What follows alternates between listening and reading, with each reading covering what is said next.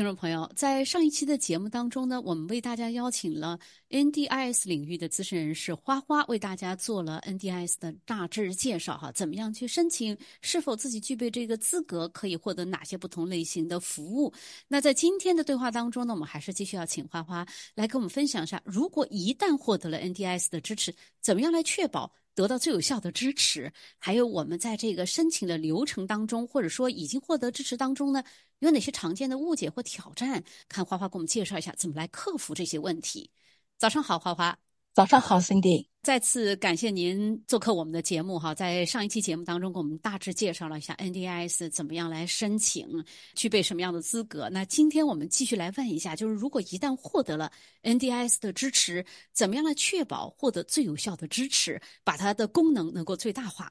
好的，Cindy，谢谢。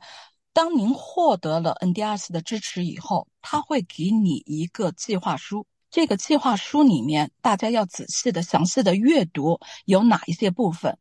每一个部分都详细的介绍你的资金使用的方向。还有在 NDRs 这个当中呢，它分三种支持，一个是 NDRA，由政府来帮您做这个计划；还有一个呢是您有一个协调员来协助你执行这个计划。嗯，还有一种方式呢，是自我管理计划。在这个计划当中，如果有效的、最大的获得益处呢，我其实是建议您有一个协调员，因为协调员能够帮助您了解更多的 NDR 领域当中您所缺乏的一些知识。在阅读完这些东西以后，就是您的计划书以后。他们会帮您找到相应的一些专业人士，所以呢，这个才是您确保最大的益处。这个是在我工作当中呢，我接触到的和政府直接联系的自我管理的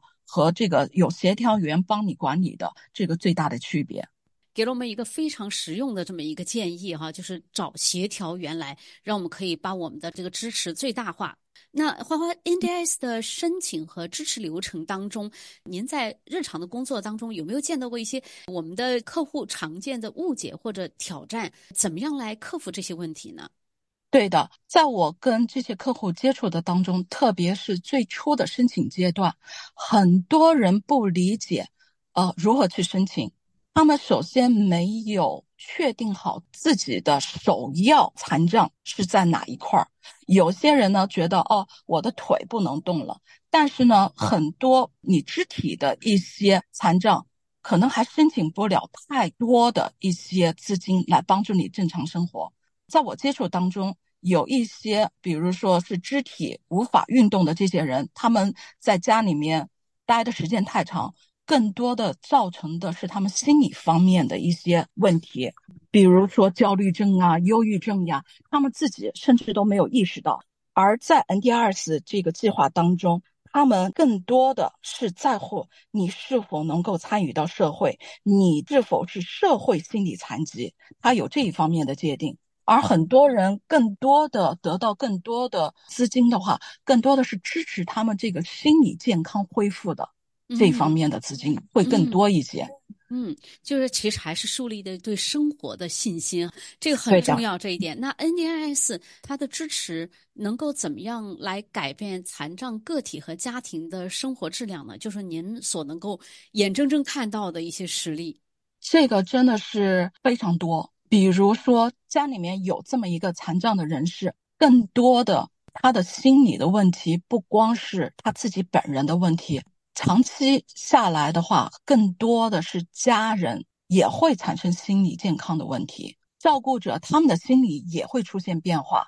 而政府提供这些资金，不但是帮助残障人士能够返回到正常的生活，或者是康复的治疗，甚至是减轻家里面人的负担，让他们能够重回到自己正常的生活当中。能不能分享一些成功的案例？就是跟我们听众朋友也比较直观的展示一下，他怎么改变残障人士的生活。好的，我这边遇到过，也有咱中国人当中也会有出现的，比如说是帕金森，家里面如果有帕金森这样的患者的话，就现在医疗水平来说，是还是属于一个不可逆的一个疾病。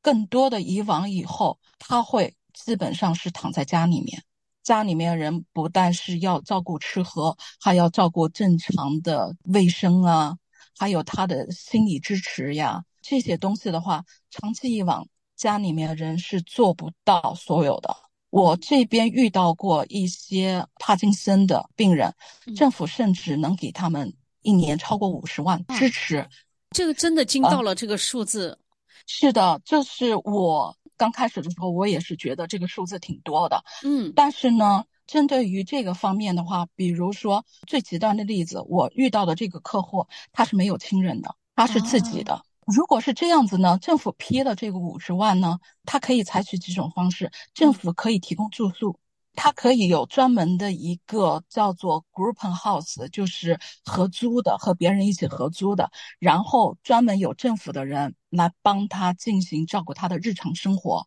包括洗澡、包括吃饭、包括出行，都是有专人照顾的，而且也是有社会监督，有政府的专门派人去监督他们的生活质量，绝对足够的尊严。还有一种方式，你可能会降低一点政府的支持，你可以在家里面有家人来主要照顾你，然后你可以使用这部分资金呢，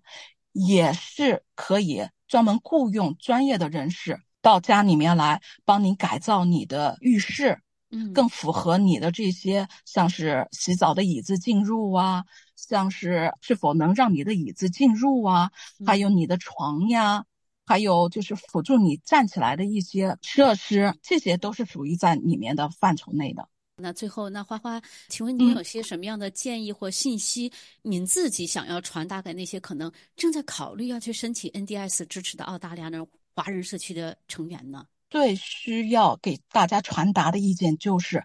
你们要相信政府，他们给你的这些设施是足够保障你有尊严的生活在澳大利亚。嗯，所有的医疗团队他们都是专业的。要知道，所有政府给你的这些东西，包括申请在内，都是免费的。因为我现在也听到了，说是有一些个人或者组织有偿的去收费来帮大家去申请，但是这个是完全没必要的。所以呢，我希望大家使用正确的一个渠道，最直直接、最基本的找你的家庭医生，还有。我刚才介绍给大家的那个电话，嗯，对，询询问他们的专业意见，你这些费用都是政府免费的，请你不要付费。其实从您刚才这个介绍当中，就四个字，一个是相信，一个是放心。那今天非常感谢花花给我们这么详细的解答哈。将来我们有关 NDIS 当中一些具体的这些措施、具体的问题，我们可能还会来继续采访您。